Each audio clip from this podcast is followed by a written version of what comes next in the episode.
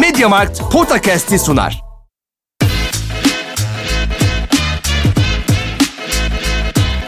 Potakast.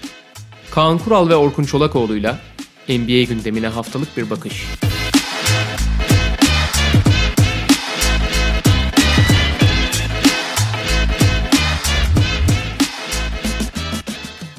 Merhaba, Mediamarkt'ın sunduğu Potakest'e hoş geldiniz. Kaan Kural'la birlikte. Ne tesadüf bugün de NBA konuşacağız. Allah Allah. Hayret. Yani üst üste denk geldi. Esas hayret olan hala Mediamarkt'ın sunuyor olması. Evet, desteklerini sağ olsunlar henüz bizden çekmediler. Yani haftalar olmasına rağmen. Ben de bu hafta karşı destek şeyi yaptım operasyonu. Öyle mi?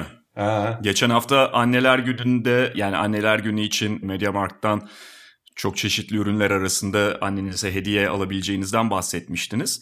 Sen de galiba bu çağrıya ayak uydurdun.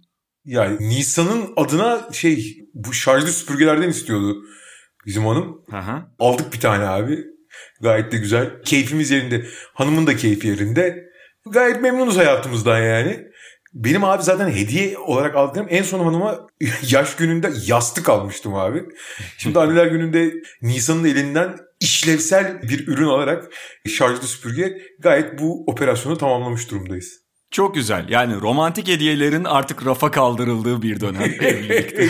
Abi anneler gününde zaten romantik hediyeye gerek yok. e tabii canım yani çocuk adına alıyorsan hani o safa vardır ya küçük çocuğun annesine hediye alması baba üstünden Tabii ilerler.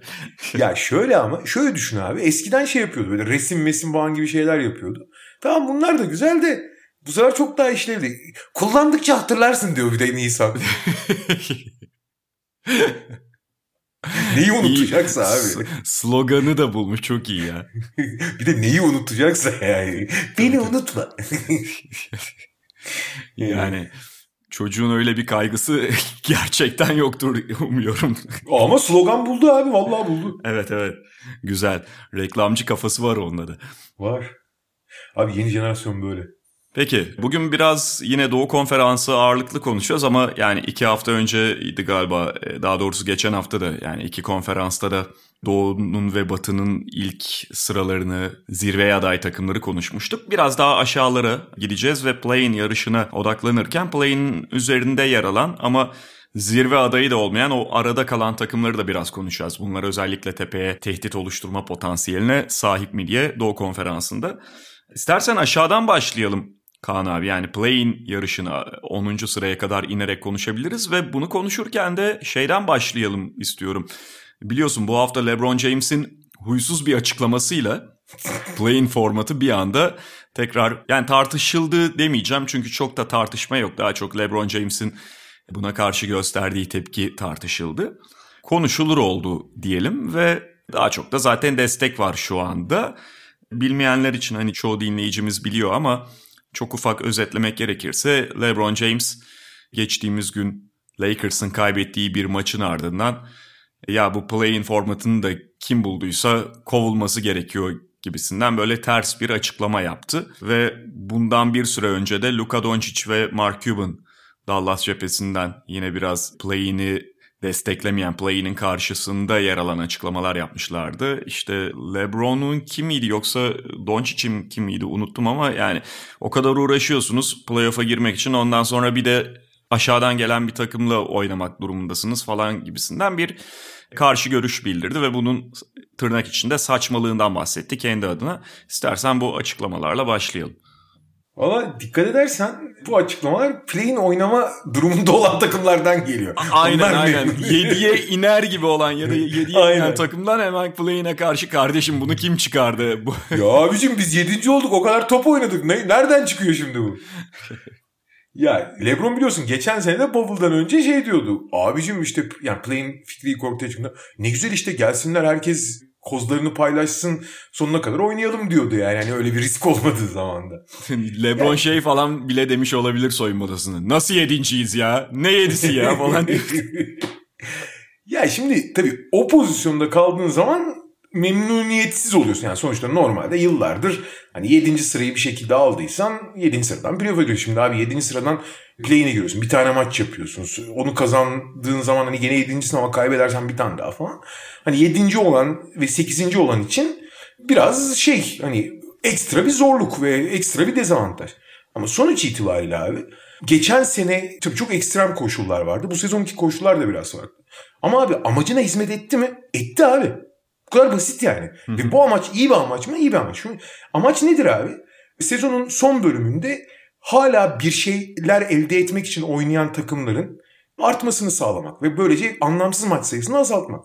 Abi şu anda gerçekten hani tabii ki ligin artık son son %10'una girdik. 6'şer maç falan kaldı. Evet anlamsız maç yani Orlando Detroit maçının pek anlamı yok ya da ne bileyim Milwaukee Cleveland maçının o kadar anlamı olmayabilir ya da Cleveland oynayacak ya da başka anlamlı olabilir. Rekabetçilikten başka anlamdır ama bu, bu maç sayısı çok azaldı. Yani şu anda tamamen havlu atmış sadece altı yani 24 takım hala bir şeyler için oynuyor gibi gözüküyor en azından teorik olarak. Yetmezmiş gibi hani sadece playoff'a girmek için mücadele eden yani daha doğrusu sezonu bitirmeyecek olan takım sayısını 16'dan 20'ye çıkardığın yetmezmiş gibi bunun için mücadele eden takım sayısını da arttırıyorsun teorik olarak. Aha. 11. 12. takımlar da yani sadece sezonu devam edecek 20 takım değil oraya girmeye çalışan 2-3 takımı da hala bir mücadelenin içine sokuyorsun. Ayrıca böyle 5-6-7-8 gibi olan takımların aralarında bazı maçları hani yerleri biraz 3 aşağı 5 yukarı belli olduktan sonra rolantiye girmesini de engelliyorsun. Yani 6'da kalmanın önemi artıyor. 6 ile 7 arasındaki reka yarış da çok daha şey oluyor. 5, 6, 7 bunların arasındaki yarış da çok daha önemli hale geliyor. Aynen. Yani mesela atıyorum 6, 7, 8'in aralarında birer ikişer galibiyet varken tabii ki hani öne çıkmak istersin ama şu anda yarış çok daha önemli orada. Ben Keza sana- 8, 9. Ha pardon çok ufak şöyle araya gireyim. Mesela şimdi bu play-in olmasaydı Phoenix Suns mesela bugün itibarıyla lider ama Utah'la liderlik mücadelesi içerisinde. Utah'ın fikstürü biraz daha elverişli gibi. Utah yine birinciliği alabilir. Phoenix ikinci sırada kalabilir. Ve aşağıda kalan mesela Lakers'ın da şu durumda aşağılarda olduğunu düşünürsek pekala Lakers ilk turda Phoenix'le karşı karşıya gelme hesabına ve konumlamasına girebilirdi. Ama play-in bunu biraz daha şey hale getiriyor. Ya bununla mı uğraşacağız düşüncesini getiriyor olabilir Lakers'a. Aynen. Yani 9-10-11 arasındaki yarış kadar 5-6-7 arasındaki yarış da teorik olarak değerli ve şu ana kadar da gayet iyi oluyor. Ha evet bu 7-8 olan takımlar için belli bir dezavantaj yaratıyor mu? Yaratıyor. Ama abi bu bir de hani son dakikada ortaya çıkmış bir kural sezon başından beri biliyordun abi bunu. Yani o yüzden hiç kimsenin şikayet etmeye hakkı. Bu arada yeri gelmişken söyleyeyim. LeBron son dönemde abi ya LeBron bu özellikle Trump'la olan karşı mücadelesi sırasında bence yani bütün basketbol kariyeri kadar ayrı bir saygınlık kazandı. NBA'in lideri olarak. Resmen lider abi. Hani şey gibi toplumsal lider gibi yani bir nevi Martin Luther King gibi falan ortaya çıkıyor. Bütün NBA oyuncularının ruhani lideri gibiydi. O işte BAM dediğinden beri işte yani LeBron dedi biz de onun arkasından gidebiliriz. Hani şey reis konuştu reisin peşinden gidebiliriz durum oldu. Ve oralarda hakikaten çok sağduyulu, çok sağlıklardı. Zaten genel itibariyle iyi tartan, iyi gözlemleyen ve sesini iyi kullanan bir şeydir, karakterdir LeBron. Özellikle kariyerinin ikinci arasında, ilk arasında değil. Ama abi son bir senedir falan çok fevri fevri açıklamalar yapıyor. Yani çok düşünmeden bir sürü şey söylüyor. Mesela hatırlayacaksın abi bu koronavirüs ilk ortaya çıktığında bu Kaliforniya seyircileri yasakladığında cart diye şey demişti. Abi seyircisi maç mı olur oynamam ben demişti. Abi bir, yani bir düşünme hemen böyle çok abi yaşın nereye geldi artık senin öyle zart diye her aklına geleni çene eseri gibi söylemene gerek yok abi. Senin sözün çok da ağırlıklı çünkü. Bunu bir süredir yapıyordu. Fakat onun gibi 5-6 tane böyle tuhaf tuhaf açıklama geldi. İşte özellikle mesela bu sene başından beri şey diyor ya işte sürekli nerede konuşsa sezon başından beri sakatlanana kadar daha doğrusu şey diyordu. İşte benim için hani yaşlandı diyorlar ama ben hala en iyi olduğumu göstereyim. Abi kimse onun için yaşlandı falan demedi abi. Yani herhangi bir şekilde sözüne değer verilen herkes abicim hala NBA'nin en iyi oyuncusu diyordu. Ve tersine hani yaşından çok bahsetmeden abi yıllardır orada ve bu devamlık çok saygın falan diyordu. Ama hani öyle bir narratif yaratmaya çalışıyor kendisi. Öyle bir hikaye yaratmaya çalışıyor.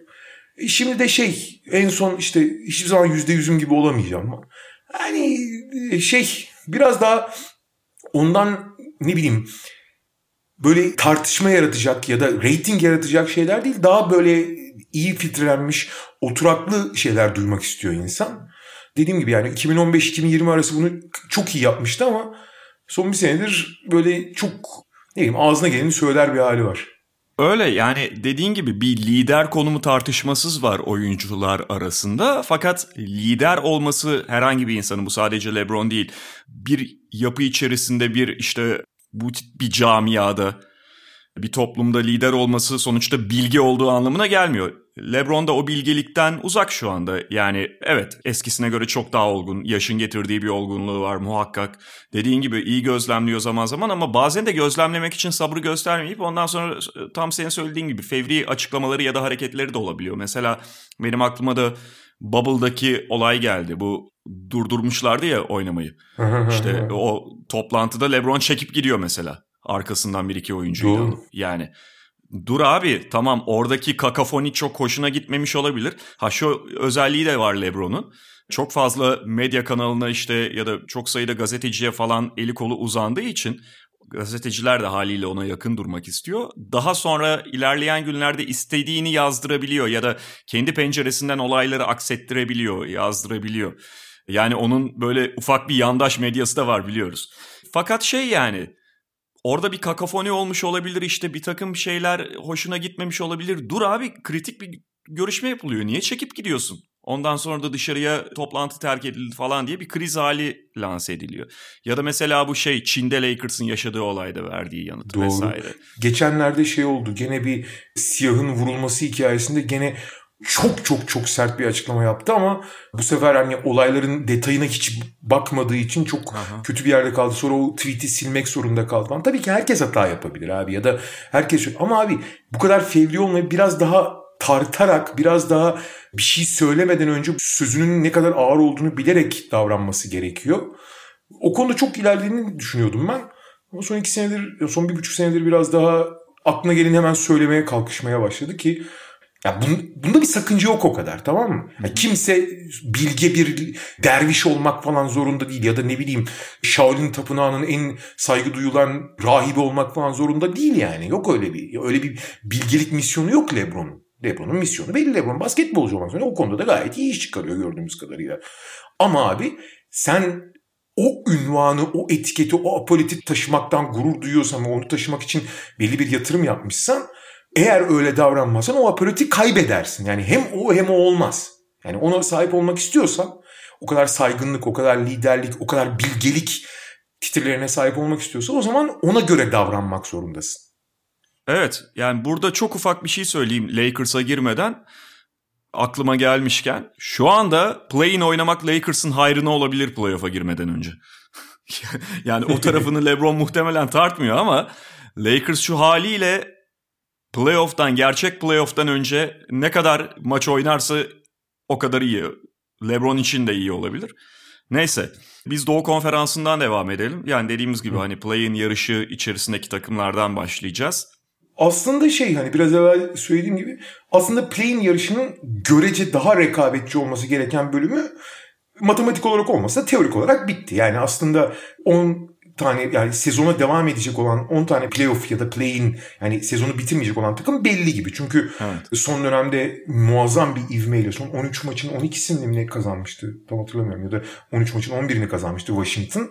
Yani Chicago'nun özellikle anormal bocalaması yani gerek takas sonrası bir türlü ritim bulamaması gerek Zach Lavine'in Covid protokolüne girmesiyle Chicago aşırı düşünce Toronto'nun biraz kasıtlı yaptığını düşünebilir. Zaten sezon boyunca çok problemlerdi de onları ayrı bir gelecek hafta belki dosya da yaparız sezonu kapatanlarla ilgili. Aha. Gördüğümüz kadarıyla hani evdeki iyileşen oyuncuları da pek kullanmak istemiyorlar. Onlar da biraz hani abi bu seneyi artık bıraktık. Hani yarı tanking yapıyor bir durumları var. Yani şey gibi. O yarış matematiksel olarak olmasa da mantık olarak bitti abi. Yani şu anda 3,5 maç fark var Washington'la Toronto arasında 10 ile 11. arasında. Abi kalan maç zaten 7. Yani hani Washington 2 maç kazansa ve Toronto'nun 6 maç kazanması falan gerekiyor ki hani çok çok çok çok çok uzak ihtimaller onlar yani. Washington dediğin gibi hani 10. sıradaki yerini sağlamlaştırmış durumda Toronto'nun Chicago'nun düşüşüyle birlikte. Hatta 9'a adaylar en azından ilk Doğru. etapta. Indiana'yı 154 atarak yendiler önceki gün.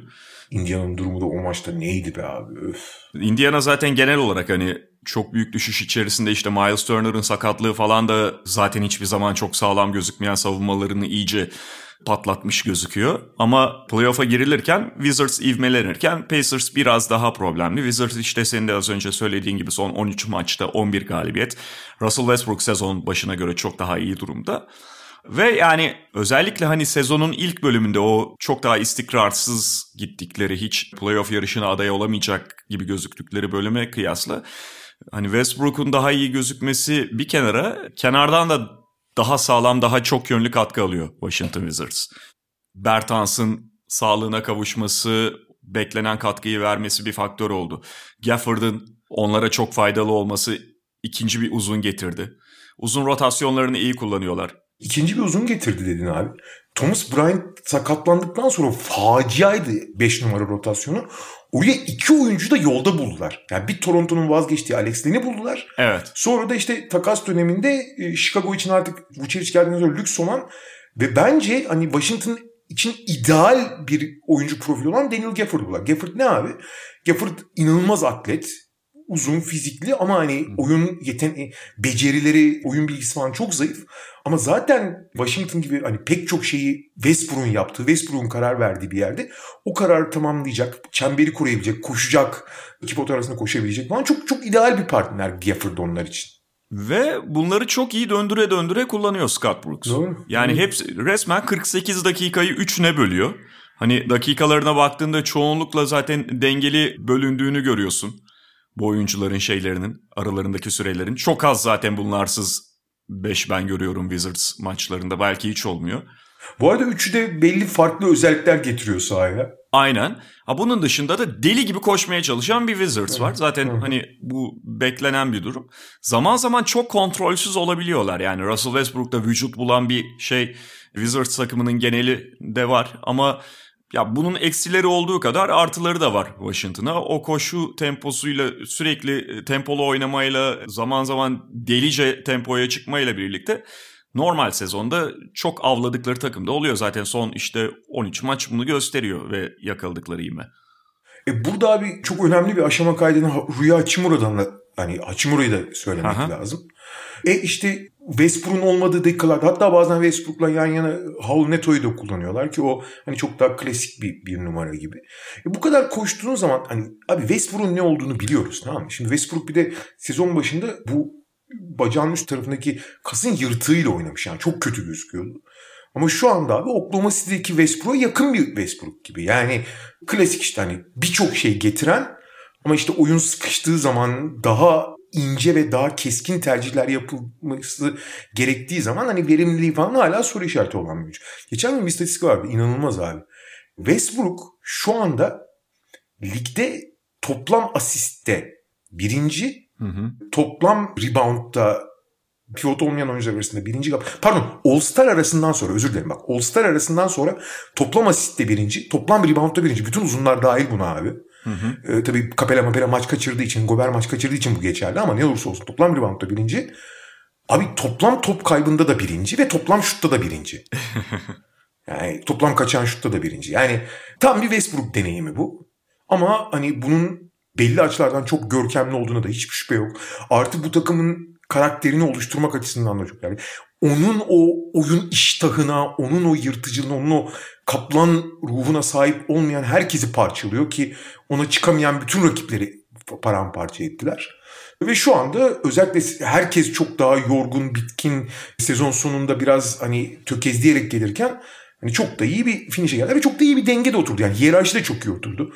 Sonuçta oranın en önemli oyuncusu Bradley Beal olabilir ama Bradley Beal ana karar vericinin topun %80 Westbrook'ta olmasını hiç dert etmiyor. O skoruna bakıyor. E işte koşan yanında Hachimura gibi, işte Gafford gibi başka opsiyonlar falan da kullanıyorlar. Ee, onlar bir zaten Scott Brooks falan da orada yeni bir şey yakalamış gibiler orada. Oklahoma City'nin e, işte şey öncesi, Paul George öncesi Oklahoma City havası yakalamış gibiler yani. Durant sonrası şey öncesi Oklahoma City havası var orada. Ve hani play'inden girdik madem ki şu anda zaten Wizards için konu o. Yakalamak istedikleri o. Yani bu takımın gerçek playoff serisinde 4 maç kazanması gereken bir seride ne kadar tehdit olduğu başka bir tartışma konusu. Bence olamaz. Özellikle Bence yukarıdaki de. takımların kalibresi göz önüne alındığında. Bence de. Ama tek maçta olur. Yani Evet böyle abi. bir tempoyla, böyle bir serseri mayın haliyle Wizards tek maç abi. Aynen öyle. Kesinlikle katılıyorum. Kesinlikle. Ve yani bu play'inin getireceği belki de en büyük... Ya bir kere abi play'inin ne kadar güzel bir şey oldu. Abi ne olursa olsun o tek maçta ne olacağını merak etmiyor musun ya? Yani bir nevi küçük bir yedinci maç abi o aslında. Kazanan yoluna devam ediyor, kaybeden evine gidiyor. Bu abi bunun ne kadar büyük heyecan ve şey yaratacağı, dinamik yaratacağı ortada. Bir de işte bu senaryo Washington'ı koyduğun zaman ideal play'in takımı ya. ideal yani. Aynen. Çok ufak bir ekleme yapayım abi. Yani hani demin dedik ya işte Doncic demişti galiba bunu. Ya o kadar uğraşıyorsun bütün sene geliyorsun ondan sonra play-in'de play, elde ettiğin hakkı korumaya çalışıyorsun. Yani böyle gözükebilir ama en azından gerçekten ilk 8 içerisinde yer aldıysan iki hakkın var. Doğru. Onun altını çizelim. Yani bir kere yenildin elendin olmuyor. 7-8 oynuyor. Yani yediysen mesela 8'i yen at kapağı zaten. Kurtarıyorsun kendini. Kaybediyorsan da yani 8 olup kaybediyorsan da en azından bir hakkın daha var. Aşağıdan geleni bu defa aşağıdakinin kazananının yenmen gerekiyor o zaman da. Oradan Indiana'ya geçersek hani sen çok kısa bahsettin. Yani bu sezonun en aslında hani sakatlıklarla, problemlerle boğuşan takımlarından biri. Zaten hani bütün sezon TJ Warren'ı kaybettiler. Çünkü bir de Indiana'nın hani kadro kurgusu itibariyle çok önemli bir delicilik eksikliği ve birbirini çok iyi tamamlamayan e, hani switch yapması çok zor olan iki uzuna sahip olması. Yani kadro kurgusu abi çok esneklikten uzak bir takım Indiana. Yani bakıyorsun pozisyonlar arası geçiş, rol paylaşımı falan çok keskin. Ve buradan belli parçaları çektiğin zaman zaten o hiyerarşide birbirinin rolünü çok doldurabilen oyuncular olmadığı için çok daha tek düzelişip çok daha ne yaptığı belli ve bunu çok değiştiremeyen bir takım oluyorlar. Yani çünkü zaten takımın delicisi yok. Yani en iyi delici Brogdon. Tamam Brogdon teknik olarak fena değil ama abi çok yavaş abi iyi bir delici olmak için ve düzenli delmiyor zaten. Şimdi bakıyorsun Aaron Holiday sezona felaket girmişti. Hani o da delici bir, gibi düşünürsen belli oranda. Son dönemde biraz toparladı ama nereye kadar? Yani TJ McCollum zaten hiç alakası yok onlarla. Yani tamam bir sürü artısı var ama delmekle alakası yok. Şey yok işte sezon başındaki Oladipo eski gücünde değildi. Eskiden gibi olsa ne hala ama hep şuta dayalı falan oynuyordu. E Sabonis ve Miles, Miles Turner'ın 3 sayı tehdidi olmasa da hiçbir şey olmayacak. Ama Sabonis'e alan bırakman lazım. Kimse delemediği için orada hani savunma aksiyon yapmak zorunda, savunma yer değiştirmek zorunda kalmıyor abi. Sadece pası kovalıyorlar yani. Aha. Bu sezon bence muazzam yani gerçekten çok ciddi ileriye adım atan Doug McDermott var. Yani sabit bir şutörden çok daha komple bir oyuncuya dönüştü. Tamam seviyesi bellidir ama orada bir gelişim falan var. İşte Justin Holiday daha önemli bir 3 parçaya dönüşmeye çalışıyor ince kalmasına. Ama abi delemediğin zaman bir delicin olmadığı zaman Şöyle temel bir problem oluyor. Abi savunmadan sürekli avantaj almadan oynamak zorundasın. E bir de buna takımın işte esneklik eksikliğinden dolayı savunmada yaşadığı mecburiyetleri düşünürsen tamam Miles Turner olağanüstü başladı bir blok tehdidi olarak. Bütün savunmayı da sen Miles Turner'ın üzerine kanalize etmek üzerine kurguladın. Ama abi bu bu ilkel bir savunma yani ve bir yere kadar. Ve Miles Turner da Rudy Gobert değil sonuçta. Yani evet blok yapıyor, evet belli tehdit yapıyor. Bu sezonu da iyi geçirdi. En azından sakatlandı son döneme kadar. Ama abi Gober gibi bir caydırıcılık değil ki onunki. Ve Utah gibi temel bir disiplin kurgun da yok senin. O kadar çabukluğun da yok.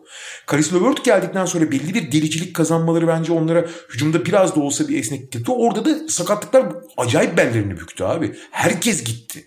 Turner sakatlandı, Savanis sakatlandı. Bitadze ile oynuyorlardı. Bitadze biraz bir şey yaptı. Bitadze de sakatlandı. Jakar Sampson'la falan ne oynayacaksın abi zaten? Ne Yani kadar bu, to- oynayacaksın? yani? bu toz bulutunun arasında O'Shea Brissett bir ara takımın yıldızı gibi oldu biliyorsun. Çünkü o kadar Evet. fazla sakatlık var ki bol bol dakika ve top kullanım hakkı elde etti. Son dönemde şimdi Brogdon da oynamıyor. Hani ara ara maçlar kaçırdı falan. Hani kim kaldı abi geriye? Miles Turner muhtemelen sezonu kapattı. Ee, ama şey bütün bunlardan önce şimdi zaten Walsh falan da ipini çekmiş. Sezon içinde de bir iki kere çıkmıştı. Takımla Björkgren'in arasındaki iletişim biraz problemli diye. Indiana'nın çok yani teslim olduğuna dair sahada görüntüler vardı ki bu hani olabilecek en kötü senaryo tabii. Bunun sezon içi Björkgren'e bağlı olmayan şanssızlıklar çok önemli bir faktör olsa da e, bu takımın kurgulanmasında da büyük sorun var. Yani esnekliğinin bu kadar düşük olmasında. Ama her şey birleştiği zaman da Indiana bir kere sezonun en büyük ayak kırıklıklarından biri. Indiana öyle ya da böyle 4-8 arası bir yerde gösteriliyordu sezon başında. Evet Warren'ın sakatlıkları ve dediğim bir sürü faktör var. Ama son dönemde hani 4-8 arasında girememeleri bir tarafa. Gerçi 9'uncular hani 8. olsalardan çok mu geri Abi oynadıkları oyunla ya da sergiledikleri vücut diliyle falan hani oradan çok daha kötü bir yerde gözüküyorlar yani. Öyle ve yani mesela kadroları biraz daha tam kadroya yakınken de hani sen kurgulanmasındaki sorunlardan falan bahsettin takımın. Abi 5 kullanımları ilk 5'i ikinci 5'i bölüş şekli falan Björkren'ın yani hayretler içerisinde bırakıyordu beni.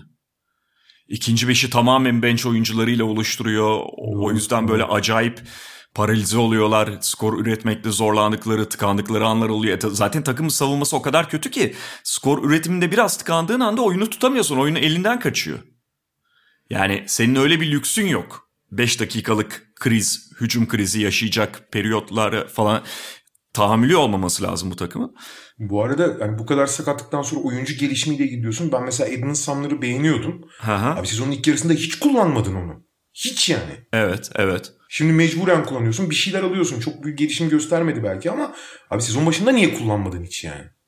Ve yani bu takımın mesela geride kalan maçlarına bak abi. Son galibiyetlerine bak. Çok dramatik bir tablo var orada. Son galibiyetlerini sayıyorum. Thunder işte ilk 3 gün önce falan. Zaten Thunder yani Abi biz yani oynamaya gelmedik ama siz bilirsiniz diye çıkıyor artık maçları. Ondan önce Orlando. Zahmet ettiniz abi gelmeseydiniz. Biz EFT'ye atardık. Yani hakikaten şey NBA işte daha önce de bu şakayı yapmıştık. Hak tanısa kağıt imzalayacaklar maça çıkmayacaklar. Evet. Ondan önce Orlando benzer bir takım. Ondan önce Detroit, ondan önce yine Thunder. Öncesinde Houston, öncesinde Memphis bir tane nitelikli galibiyet. Öncesinde yine Orlando, Minnesota yani bu maçları kazanmış durumda bu takım yaklaşık bir buçuk ayda, son bir buçuk ayda falan. Senin Fantasy Lig'deki performansına benziyor. Güzel bir dokundurma. G League şampiyon diyoruz biz ona. Onlarda Miles Turner sakat, bizde herkes sakat. Biz ne yapalım? Yalnız benim hakikaten free agent havuzundan... Lan çocuğun adını unuttum. Marvin Bagley. Marvin Bagley'e alışım çok klas ve sezonun belki de kalan bölümünün kaderini etkilemiş olan bir hareket. Kurda kuşa ya, bırakmadım abi benim şeyim buydu zaten alırken. Motivasyonum buydu. Lig, ligde ancak böyle bir aktör olabiliyorsun abi sen. Ne yapalım? Onların hemen üzerinde şu anda 8. sırada bulunan Charlotte var. Ben Charlotte oldukça başarılı bir sezon geçiriyor ama onlar da Hı-hı. yani bu sezonun zaten hikayesi bu. Yani hiç tartışmaya gerek yok. Son dönemde acayip sakatlıklarla belleri büküldü. Yani Lamelo'nun olmadığı bölüm onları çok zorladı. Bu arada Lamelo'nun olmadığı bölüme bir ara Devante Graham sakatlanmıştı. PJ Washington maç kaçırdı.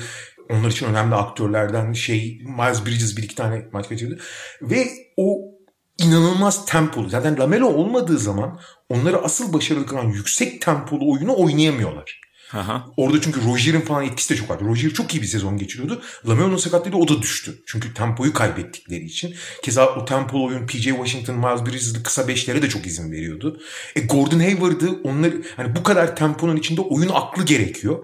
Lamelo evet çok etkileyici bir tempolu guard ama abi yarı sahaya geldiğin zaman oyun aklı gerekiyor. E, Gordon Hayward'ı da kaybedince, o oyun aklını getiren en önemli oyuncuyu da kaybedince hani tamam hoplayıp zıplayan, acayip enerjik, mutlu. Yani Eric Collins'in anlatımındaki o ıı, acayip coşkulu takımın fakt şeyleri sadece coşku oluyor. Yani kaptırıp gidiyorlardı. Çok tökezlediler son bölümde. Neyse ki Lamelo döndü. Hı hı. En azından denge bulacaklar. Bu arada çok önemli bir şey oldu bence. Ee, bu, bu kere bu sezon büyük bir başarı Charlotte için bence. Ne olursa olsun. Kesin. Bundan sonrası için de çok iyi bir temel kurmuş durumdalar. Yani Miles Bridges 4, PJ Washington 5 numara oyna, oynayan 5'lerde Lamelo'nun 1 olduğu bir zamanlar hani bunun 3-4 sene önce Dave Yoger'lı Sacramento gibi tempolu oyunda rakipleri sürklase edebilecek, çok heyecan verecek bir nüve kurmuş durumdalar. Bunların gelişimine bakacağız. Ve abi beni özellikle son bir, bir buçuk ayda en etkileyen oyunculardan biri Miles Bridges abi. Belki en çok gelişme kaydının oyuncu ödülünde aday olmayacaktı. Bir Julius Randle varken kimse niye aday olsun da ya da Jeremy Grant de yani orada gerçi sezon sonuna doğru düştü ama ama Miles Bridges abi gelecek sezon çok yani hakikaten bir All-Star adayı olabilecek potansiyel göstermiş durumda. Yani çok özel bir oyuncu olmaya gidiyor yani. Aha. eğer işte şey toparlanırsa sezon sonuna kadar yani sakatlar da tam olarak iyileşirse Devonta Graham tekrar sakat şimdi. Play'inde iyi bir ritim buldukları maçlarda etkili olabilirler. Ama yani başarılı bir sezonda gelecek sezonlar için önemli bir temel atmış durumdalar. Kesin. Yani ben bu kadar çabuk bu kadar fazla adım atmalarını beklemiyordum. Yani kimse beklemiyordu hemen hemen. Zaten hani Gordon Hayward transferini falan biraz eleştirmiştik ya. E, herkes hatırlar. Çoğu kişi de eleştirmişti zaten Amerika'da falan da. Çünkü oradaki mantık şuydu. Yani bu takım zaten e, bocalayacak.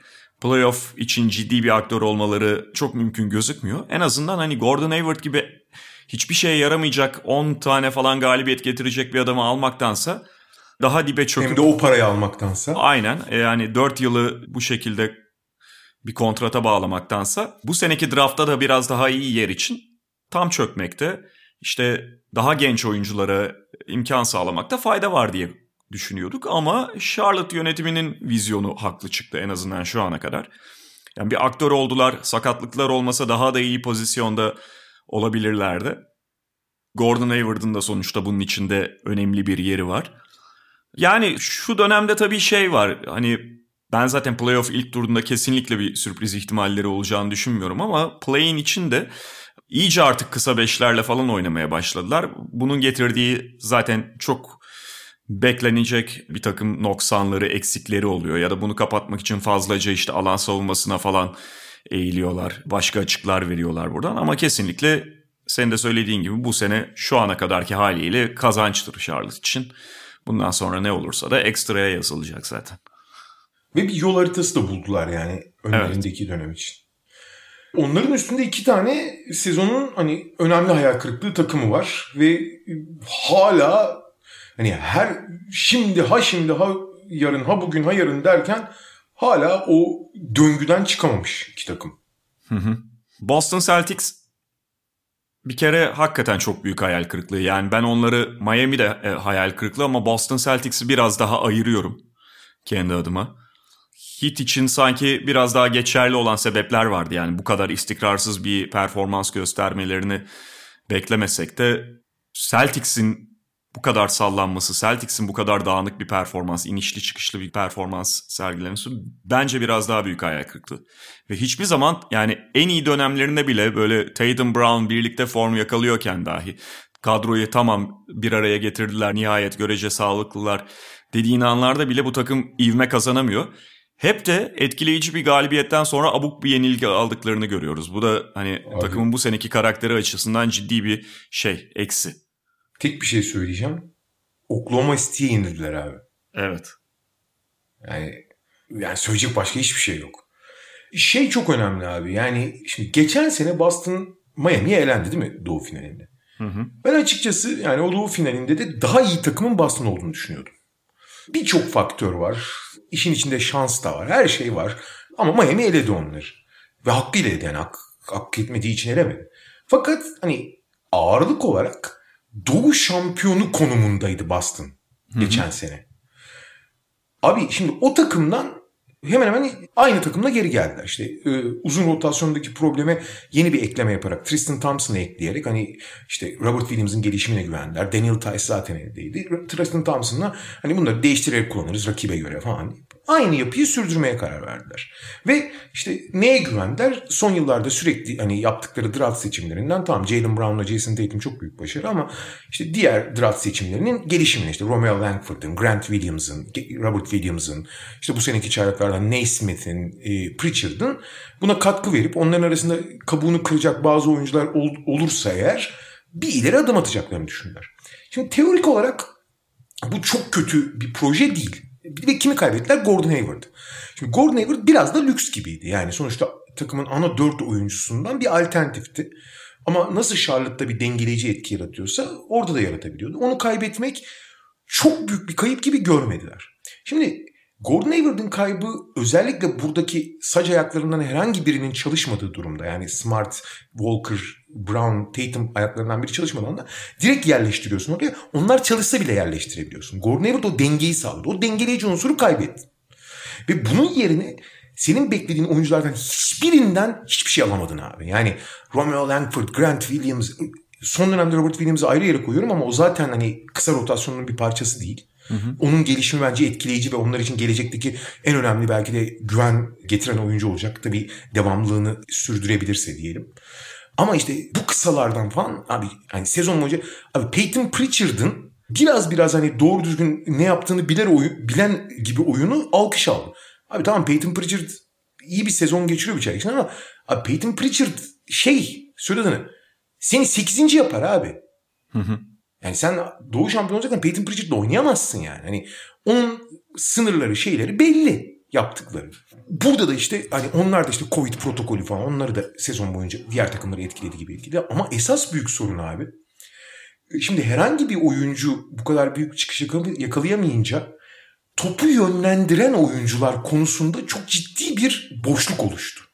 Çünkü Jalen Brown'la Jason Tatum çok üst düzey ve çok değerli oyuncular olsa da topu yönlendiren oyuncular değil abi onlar. Evet. Onlar kanatlar. Çok etkililer evet ama onlar bitiriciler ve oyun oynayıp bitiriyorlar. Yani onlar kendilerini oynuyorlar daha çok. Kendi bir şeyler yapıyorlar. Kemba Walker ve Marcus Smart o trafiği, o devamlılığı, o akıcılığı sağlayamadığı zaman tıkanıyorlar abi. Ve abi Kemba'yı biliyorsun. Kemba bütün sezonun kaç tane maçı doğru düzgün oynayabildi ki? Kaç maçta sahaya çıktı zaten yani. Hı hı. Ve bir anda abi sıfır akıcılıkla tamam çok yetenekli oyuncularım var. Onların ritim tutturduğu takımın da maçı maça göre ritim bulduğu yerlerde iyi gözüktüğün, çok iyi gözüktüğün maçlar da var mesela. Ama abi bunu sürekli sağlamak, iki maç üst üste sağlamak ya da iki çeyrek üst üste sağlamak falan çok zor. Abi ne farklardan maç verdiler ne farklardan maç aldılar. Ne acayip galibiyetler alıp ne abuk mağlubiyetler aldılar. Çünkü devamlık sıfır abi. Sıfır yani. Aynen ve hani Kemba Walker'dan bahsettin abi zaten çok fazla maç kaçırdı işte hani bugün dönmesi bekleniyor ama zaten bir süredir yine yoktu biliyorsun. Hı hı. Bir iki haftadır falan galiba. Oynadığında da istikrarsız da Kemba Walker da zaten biraz skorer güdülü bir adam. Sürekli olarak pas dağıtımıyla falan ilgilenmiyor. Kendi skoruna da bakıyor. Şut kaçırdığında oyundan tamamen kopmuyor ama sinirlenebiliyor, ona takılabiliyor. E Marcus Smart dediğin adam mesela öyle değil belki ama Marcus Smart'ın da ne kadar deli dolu ve her zaman doğru karar veren bir oyuncu olmadığını biliyoruz. Jason Tatum'dan, Jalen Brown'dan zaten bahsettin. Yani dolayısıyla burada bir olaya el koyacak soğukkanlılıkta ve yönlendiricilikte bir oyuncu yok. Bunu çok yaşıyor Celtics. İstikrarsızlıklarındaki bence de en büyük altındaki o en büyük hadise bu. En kilit oyuncu da Kemba Walker abi. Çünkü ne olursa olsun onun getireceği devamlılığa çok fazla ihtiyaçları var. buradan Miami'ye geçersek abi Miami'de geçen sene yani hakikaten bir masal yaşadılar yani. Hani o Bubble'daki performans masal gibiydi. Çünkü hatırlarsan abi Bubble'a daha doğrusu playoff'a gelene kadar Bubble'daki performansları da aslında yani o sıralama maçlarında çok çok üst düzey değildi. Ama Miami Ligi 5. bitirdi Doğu'yu. Hatta evet. Bubble'da geçildi Indiana'ya yani. Hı hı. Fakat orada yani hakikaten çok çok çok çok özel bir hani böyle bir Amerikalılar şey diyor ya hani lightning in a bottle diyorlar. Böyle gezegenler hizaya gelmez yani. Goran Dragic'in hücum liderliğine bir anda soyunduğu ve kariyerinin en olgun, en verimli oyununu oynadığı bir dönem. Tyler Hero'nun çok büyülü yaşadığı bir bir buçuk ay. İşte Jimmy Butler zaten liderliğini yapıyor ama abi Jimmy Butler hiçbir zaman şey değil. Anlatabiliyor muyum? Bir Stephen Curry değil. Ya da ne bileyim bir LeBron değil. Bir James Harden değil. Hı hı. Jimmy Butler evet gerçekten çok özel bir lider. Ama abi Jimmy Butler'dan e, düzenli bir lokomotif, dizel lokomotif olmasını beklememen lazım. Nitekim Jimmy Butler final serisine kadar, herkes sakatlanana kadar da öyle aşırı bir liderlik de yapmadı. Evet kritik yerlerde ağırlık koydu, oyunu çok iki taraflı çok komple oynadı falan filan ama yani o yapıyı yapıyı sürükleyen en şey birlikte koşan ekibin içindeki en hani iyi koşucu gibiydi. Yoksa onları önden onlara tempo veren, onları çeken bir faktör değildi hiçbir zaman. Evet Bam Adebayo çok önemli bir adım attı. Modern uzunların en önemli oyuncusu. Fakat bu dengeyi sağlayan işte Duncan Robinson, Tyler Hero'nun savunma ya da Drag için savunma zaaflarını onların hücum performansıyla dengelemek, işte sabit şütörlerle hareketli oyuncuları dengelemek, üst düzey savunmacılarla işte Iguodala ile Jim Butler'la Adebayo'yu daha zayıf savunmacılarla dengelemek.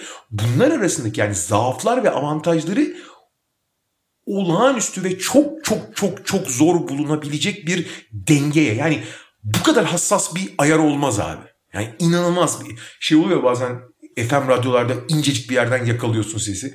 Hı. Abi inanılmaz hassas bir denge. Abi o hassasiyeti bir tık bozduğun anda da tamamen eski bir olay. Bir kere Drag için abi yani geçen sezonki hali gibi yani playoff, şey, playoff dışındaki hali gibi e, o liderlik gidemiyor. Jay Crowder'ı kaybetmen oradaki dengeleyici yani fizikli kanat çünkü işte öne koydukları iki tane yani geçen seneki en büyük şeylerden biri hikayelerden biri işte önde Jimmy Butler, Jay Crowder'ın oynadığı alan savunmaları. Yani zayıf savunmacıları köşelerde saklayarak yaptıkları alan savunması. Onu yapamıyorsun Jay Crowder olmadığı zaman.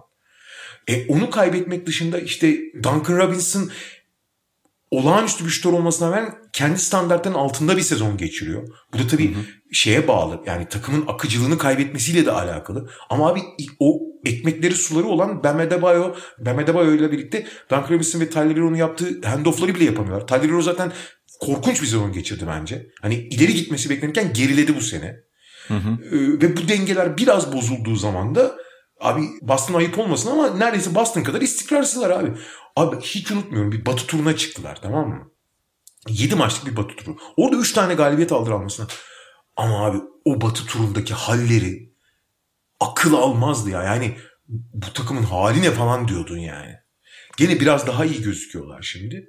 Ama takımın zaafları çok iyi şey yapan, kamufle eden, güçlü yanlarını çok iyi öne çıkaran o dengesi tamamen tersine dönmüş durumda gözüktü sezonun büyük genelinde. Yani zaafları her yani sürekli bir yerde sıkışan, bir şey üretemeyen, zaafları çok ön plana çıkan. Abi bu Duncan Robinson'ı Tyler öyle nasıl savunma yapacaksın dedirten.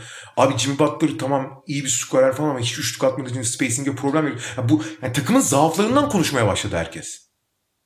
Aynen öyle. Zaten biraz öyle oluyor. Yani işte senin söylediğin gibi geçen sezon Bubble'da masalsı bir gidişi vardı Miami'nin ve masalsı olduğu için de hep en iyi performanslarla işte beklenti üstüne çıkan oyuncularla falan bunlarla konuşuluyorlardı. E, şimdi bu sezon hikayesi farklı. Bir anda çok daha fazla üzerine beklenti olan takımsın. O beklentinin altında kal- kalındığında da zaaflarla, olumsuzluklarla ne ters gitti, ne eksik, geçen seneye göre ne olmadı onlarla konuşulur hale geliyorsun. Yani şey olmuştu geçen sene bunu kim yazmıştı tam olarak hatırlayamıyorum ama bence çok isabetli bir değerlendirmeydi. Miami hakikaten biraz kül kedisi girişi gösterdiği için Bubble'da bir noktadan sonra birçok oyuncuları o playoff'ta gösterdikleri en iyi performansla anılmaya başladı. Yani Doğru. sanki ortalamaları oymuş. Doğru. Sürekli onu yapıyorlarmış gibi anılmaya başladı. Bu Tyler Hero da bunun herhalde şeyi poster yüzü bu yanlış algın ya da o anki o kapılmanın. Hatta bu sene biliyorsun şey haberleri çıktı yani belki de Bubble'dan çıkarmamak gerekiyordu Tyler Hero ya da bazı oyuncuları çünkü Tyler Hero, Hero büyük particiymiş. Olabilir.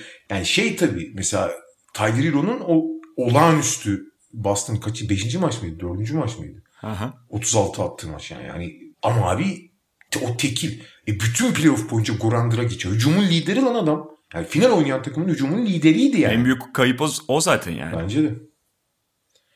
Şimdi abi Nan'la oynamak. Şimdi Nan iyi bir oyuncu tamam mı? Hani ve iyi bir performans. Fakat abi Nan da Peyton Pritchard'ın Miami şubesi. Abi Nan'la oynuyorsan daha küçük hedeflerin takımısıdır. Bu kadar basit abi. Bu Nan kötü oyuncu olduğu için falan filan değil. Nan belli bir seviyeye kadar getirir seni. Ve belli bir seviyeden sonra zarar vermeye başlar yani. Ve bu sezonun iki başarı hikayesi diyelim. Biri bence hani bu sezonun en büyük başarı hikayesi olması dışında çok uzun zamandır benim en hani aklımın hayalimin alamayacağı bir ne derler beklentileri aşma hikayesi. Yani geçtiğimiz 5-6 yılda hatırlamıyorum abi bu New York gibi bir New York bu sezonun en kötü 3 takımından biri olarak gösteriliyordu. Hatırlarsın. Yani ben de öyle düşünüyordum. Sen de öyle düşünüyordun. Pek çok kişi de öyle düşünüyordu. Ee, hatta en basit hani senin benim düşünmemizin sağlıklığını bir tarafa bırakalım. Las Vegas böyle düşünüyordu. Yani bahis oynadığın zaman ligin en kötü dört takımından biri olarak yani 22 galibiyet üzerinden bahis oynanıyordu. Sezonu 22 galibiyetin altında mı bitirir üstünde mi bitirir diye bahis oynanıyordu. Ve saçmalık ötesi bir başarı hikayesi. Muhtemelen ikiye katlayacaklar beklenen galibiyeti yani. Yani sezon başı şey hani beklentilerinden girdik abi. Şimdi sezon başında bu takımın kadrosuna bakıldığında ne düşünüyorduk? Kabaca onu bir özetleyelim. İşte takımın öne çıkan oyuncuları kim? Julius Randle. Hep böyle oyunu istatistiklerini gösterdiği kadar iyi olmayan bir oyuncu. Savunması Verimsiz. kötü. Verimsiz. Sen hep söylersin ya boş kalori istatistiği Aynen. yapıyor yaptığında. Aynen. Yani 25 falan attığı maç bile aslında çok bir şeye fayda etmemiş oluyor. %28 ile üçlük atıyordu kariyeri boyunca. Aynen ve o kadar kötü şut attığı için de orta mesafeden de çok verimli değil sonuçta. Aslında 5 numara oynaması gerekiyor. Fakat 5 numarada da zaten takımın başka geliştirmek istediği bir oyuncu var. Mitchell Robinson. E, oraya bir de Nerlens Noel almış. 4 numarada Julius Randle mı olacak? E o zaman saçma sapan bir şey olacaklar. Yine birbirlerine çarpıp duracaklar diye bakıyorsun. Genel bakış bu. Obi Topin var çaylak oyuncu. E, birincisi çaylak. Evet belki hani tecrübeli bir çaylak olarak, yaşını almış bir çaylak olarak geldi ama Obi Topin'e nasıl yer bulacaklar bu defa diye düşünüyorsun. E, oyun kurucu rotasyonuna bakıyorsun mesela kısa rotasyonuna bakıyorsun. Alfred Payton yine benzer problemler. Şut konusu kariyeri boyunca onu aşağı çekti. Belki bir ara ligin dışında kalma tehlikesi yaşadı lottery pick olmasına rağmen. R.J. Barrett geçen sezonun 3. sıra seçimi yine şut atamadığı için çok inişli çıkışlı bir çaylak sezonu ve üzerindeki en büyük soru işareti dış şutuyla alakalı. Yani kimi saysan kadroda öne çıkan oyuncu olarak New York'ta süre bol süre bulması beklenen oyuncu olarak hepsinde şut problemi gözüne çarpıyor. Ve yıl 2021 abi. Evet. Başında da Tom Thibodeau. Tom Thibodeau oyuncularını aşırı zorlayan, evet onlardan bir ne derler disiplin almayı başaran, savunma disiplini almayı başaran ama yani abi 2021 yılında bu kadar şut problem bir takım nasıl hücum edecek abi? Tam Thibodeau'yla eğer iyi uyum yakalarlarsa belli bir savunma kurgusu oluşturabilirler ama açık ara ligin en kötü hücumu olacak deniyordu. Reggie Block dışında sezon başlarken biraz da Alec Burks hani sayalım ki Alec Burks'un rolünün daha düşük olduğu için çok saymalı mıyız emin değilim. Kimse şut atamıyor abi takımda rotasyonda. Böyle bir abi 2021'de böyle takım olur mu ya? 1990'larda bile ulan çok fazla boyalanan oyuncusu var dersin yani. Bırak 2021 yani. Hı hı. Ama ne oldu abi? Bir kere her şeyden önce bir Julius Randle mucizesi var diyelim. Abi Şimdi her oyuncu şutunu geliştirdi. Mesela Ingram da şutunu geliştirdi değil mi? Fakat abi kariyerinin hani başlarında geliştirmek ve böyle ortalarında geliştirmek üstüne üstlük kariyerin önce %30'larla atmışken bir anda %40'a çıkmak abi o, o hakikaten mucizevi bir gelişim. Ve volümü de arttırıp. Ve volümü de arttırarak bunu yapmak hakikaten mucizevi. Yetmedi. Takımdaki rolün de değişip bir nevi Lebron vari, Doncic vari bir hücumun merkezi ana pasör, ana yönlendirici konumuna da yerleşiyorsun bir de. Tabii şut olmadan kendi oyunu da açamadığın gibi oyunu da açamıyorsun ama şutun geliyor. Bu role soyunuyorsun ve tercih yapmayı bilmeyen, her zaman yanlış yapan ve anormal top kaybı oranıyla oynayan bir Julius Randle'dan çok daha fazla top kullanmasını istiyorsun. Çok daha fazla tercih yapmasını istiyorsun. Ve abi top kaybı oranı azalıyor. Hı hı. Katlanması gerekirken. Bu yani hakikaten mucize bir gelişim ya. Yani son yıllardaki en çok gelişme kaydeden oyuncu ödülünü alanlara bakıyorum. Abi Julius Randle kadar etkileyicisi çok nadir. Abi her şeyi geçtim. Bu sene işte sezon bitmek üzere abi. MVP oyları verecek. Abi Julius Randle MVP oyları alacak biliyorsun değil mi? Az da olsa. Evet. Hani beşin hani bugün MVP oylaması yapıldığı zaman 5. sıraya Julius Randle'ı yazana ben yazmam muhtemelen ama Gayet mantıklı abi. 10 tane MVP versen abi en iyi 10 oyuncudan biriydi bu sezon. Yani bu oyunundaki gelişimin o kadar bir de yine kendisine fayda sağlayan, oyununun başka taraflarını geliştiren zincirleme etkisi var ki. Bir tanesi senin bahsettiğin yani şutu açıldığı için, şutla birlikte oyunu açıldığı için artık daha doğru oynayabiliyor. Hı hı tünel içerisinde tünel görüşüyle oynamıyor. Sürekli kendini pota altına gitmek zorunda hissetmiyor. İşte pas opsiyonları açıldı. Bu söylediğin gibi asist oranına ve şeyine yansıdı. Top kaybı oranına olumlu anlamda yansıdı. İkincisi biraz önce bahsettiğim konu yani Julius Randle'ın bir sene önceki oyunuyla oynayabileceği pozisyon 5 numaraydı. Mümkün olduğunca da onu 5'e çekmeye çalışıyorlardı. Şimdi 4 numara oynarken abi savunmada da bu defa 5 oynarken getirdiği eksiler o kadar söz konusu olmuyor. Doğru. Çünkü 5 numaradan beklediğin şeyleri Julius Randle'dan alamayabiliyordun. Kısa kalıyordu orada. Fakat 4 numarayken daha fazla dışarıyı savunabiliyorken, daha fazla perimetre savunması yapabiliyorken kendi tamam farklı motive oluşu, savunmada Thibodeau yönlendirmesiyle daha ciddi, daha dikkatli, daha konsantre oluşu da elbette etkili ama en başta artık tamamen 4 numara savunmasına kanalize olabildiği için çok daha faydalı Julius Randle. Çünkü zaten ay- ayaklarını her zaman hareket ettirebiliyordu. Ettirmiyordu sadece bazen. Ya da pot altına koyduğunda bu defa kısalığı zayıflık haline geliyordu. Artık öyle bir durumu olmuyor. Kısalığı ve zamanlama sorunları abi.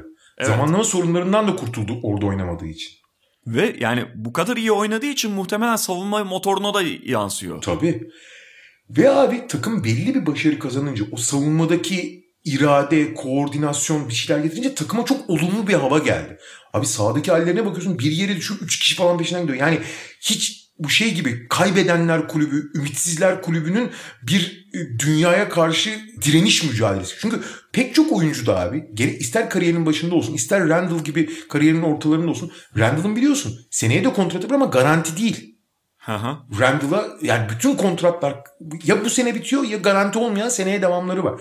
Bütün oyuncular NBA'de varlığını ispat etmek isteyen oyuncular. Ve bu yapıda kimse kendine şans vermezken böyle bir hava yakalayınca acayip bir ortam buldular. Sadece Randall değil bu arada. RJ Barrett de önemli aşama kaydetti abi. Yani o da artık mesela sıfır şut atabilen bir oyuncuyken ciddi ciddi belli bir oranda şut tehdidine dönüştü. O da şutun inanılmaz geçti. Hem serbest atışına bakıyorsun hem 3 sayı oranına bakıyorsun. İstikrarsız attı özellikle sezonun ikinci yarısında ama ikinci yarıda belli bir istikrara da oturttu. Yani bir maçta 6'da 4 atıp bir maçta 6'da 1 atabiliyordu. Şimdi gene 3 aşağı 5 yukarı %35'i bulduğunu görüyorsun maçlarda.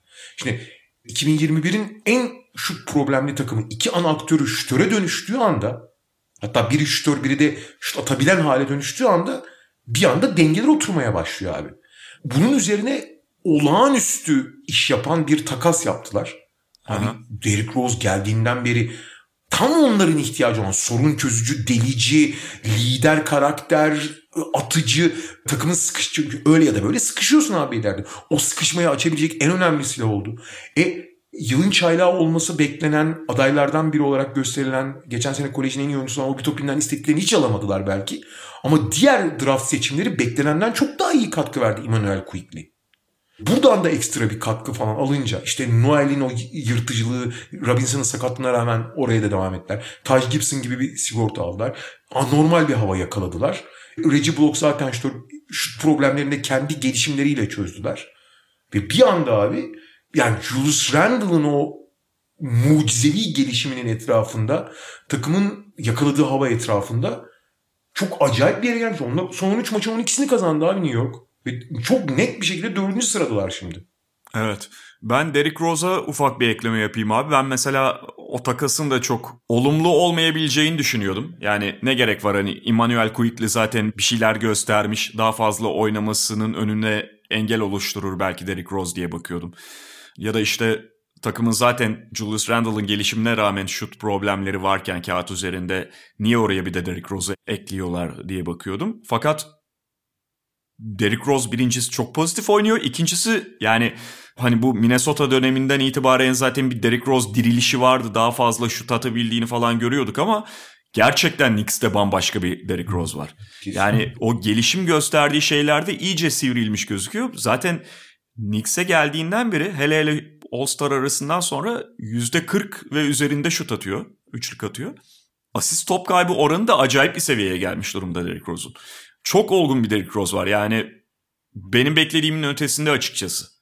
Valla şöyle söyleyeyim abi. New York'ta nasıl bir hava varsa her yani Derrick Rose ki yani kariyerinin artık sonbaharında ve hani en iyi de olduğu dönemde bile hiç müthiş bir şutör hiçbir zaman olmadı. Hatta Aha. kötü bir üçlükçüydü. Abi herkes şut atmayı öğrenmiş. Yani kimse şut atamıyor derken herkes şut atmayı öğrenmiş duruma geldi neredeyse.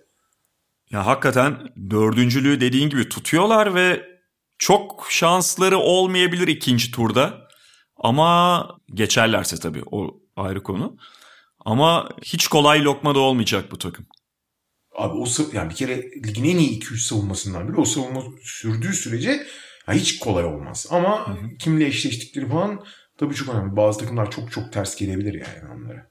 Bir de tabii birinci turda Atlanta'yı geçmek durumundalar. En azından şu anki resimde yani Atlanta 5'i tutabilirse hani ki onların da ivmesi o yönde pozitif. Onlar da malum Nate McMillan'ı getirdikten sonra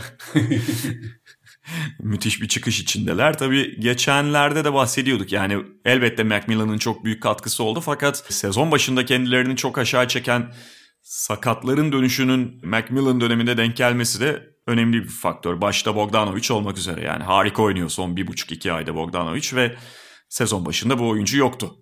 Faydalanamadın. E Clint Capela yine sezon başında belli bir dönemi kaçırdı. Son dönemdeki Atlanta girişinin en önemli aktörlerinden biri. Savunmanın özellikle. Evet, evet. Hatta Galinari. Galinari bence çok önemli çünkü o sigorta abi. Emniyet sübabı yani. Oyun sıkıştığı zaman yani onu senin, o senin şeyin fason Kevin Durant'in abi. Yani topu verip potaya attırabileceğin bir oyuncu ki o emniyet sübabı çok değerli abi. Hakikaten. Hele Atlanta gibi bir devamlılık sorunu olan hani alış, başarı alışkanlığı düşük bir takım için çok önemli.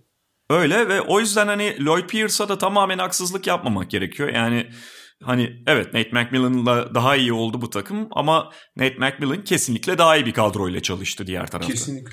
Bu arada Lou Williams takası da onlara yaradı.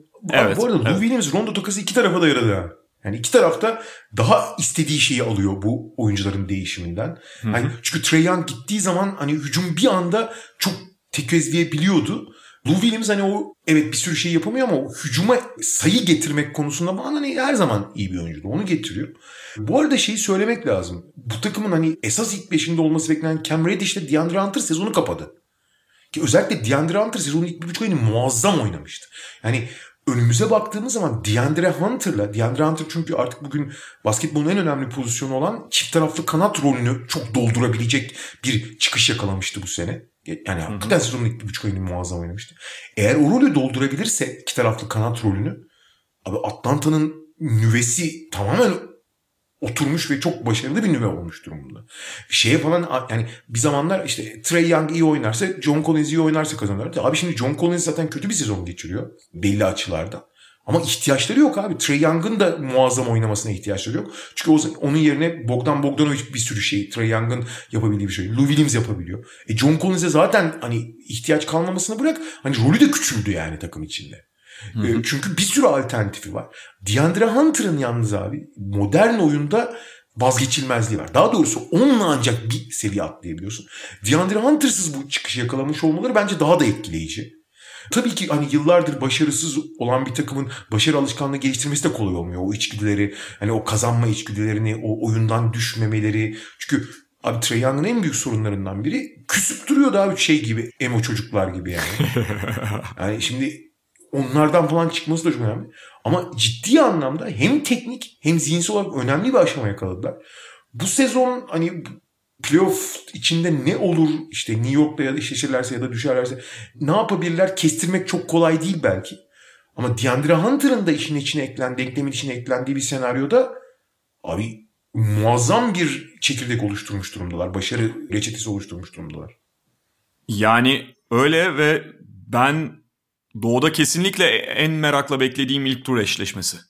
Hani birçok insan mesela Miami Milwaukee'yi şu anki dizilişlerle söylüyorum ya da işte Brooklyn Boston'ı falan merak ediyor olabilir. Onların da tabii ki çok cezbedici, merak uyandıran tarafları var ama New York Atlanta acayip bir yere gidebilir. Abi ama Miami Milwaukee'nin hikayesi çok ya. Ya öyle de yani işte Miami'yi biraz önce konuştuk. Yani şu anda en azından belli olmaz tabii. Yani Milwaukee'nin iki tane titreme anına gelir işin bir anda ilginçleşmesi ama şu anda o kadar ilginç gelmiyor gözüme. Doğru ama atıyorum abi hani bir şekilde Miami rekabetçi olursa elerse de büyük hikaye. Yani Milwaukee 4-0'la geçse bile büyük hikaye bence. Yani o orada çok güzel bir şey var yani. yani merakla dikkatle izleyeceğiz ama e, basketbol açısından ve hani tamamen hani bu geleceğe bakmak hani, ve basketbol açısından bakarsan New York Atlanta hakikaten çok cazip. Doğru söylüyorsun. Bir de New York olduğu için bu defa NBA TV de olmaz tamamen.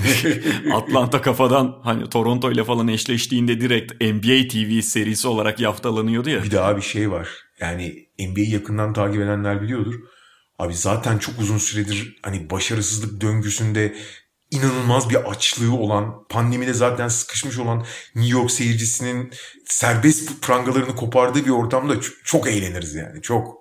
Tabii tabii. Yani orada Knicks yönetimi de artık ya gelin 20 bin kişi gelsin diye lebalep şey yap maç yaptırırlar içeriye alırlar taraftarı. Bu arada şey NBA'de biliyorsun Oregon dışında bütün eyaletlerde seyirciyi almaya başladı. Oklahoma City de almıyor ama Thunder'ın kararı o. E, eyaletin kararı değil. Yuhalanmayalım diye almıyorlar. Doğru yani bu rezilliği kimse görmesin diye almıyorlar seyirciyi. Aynen. Zaten 3 tane iç maçları kaldı o yüzden almayacaklar.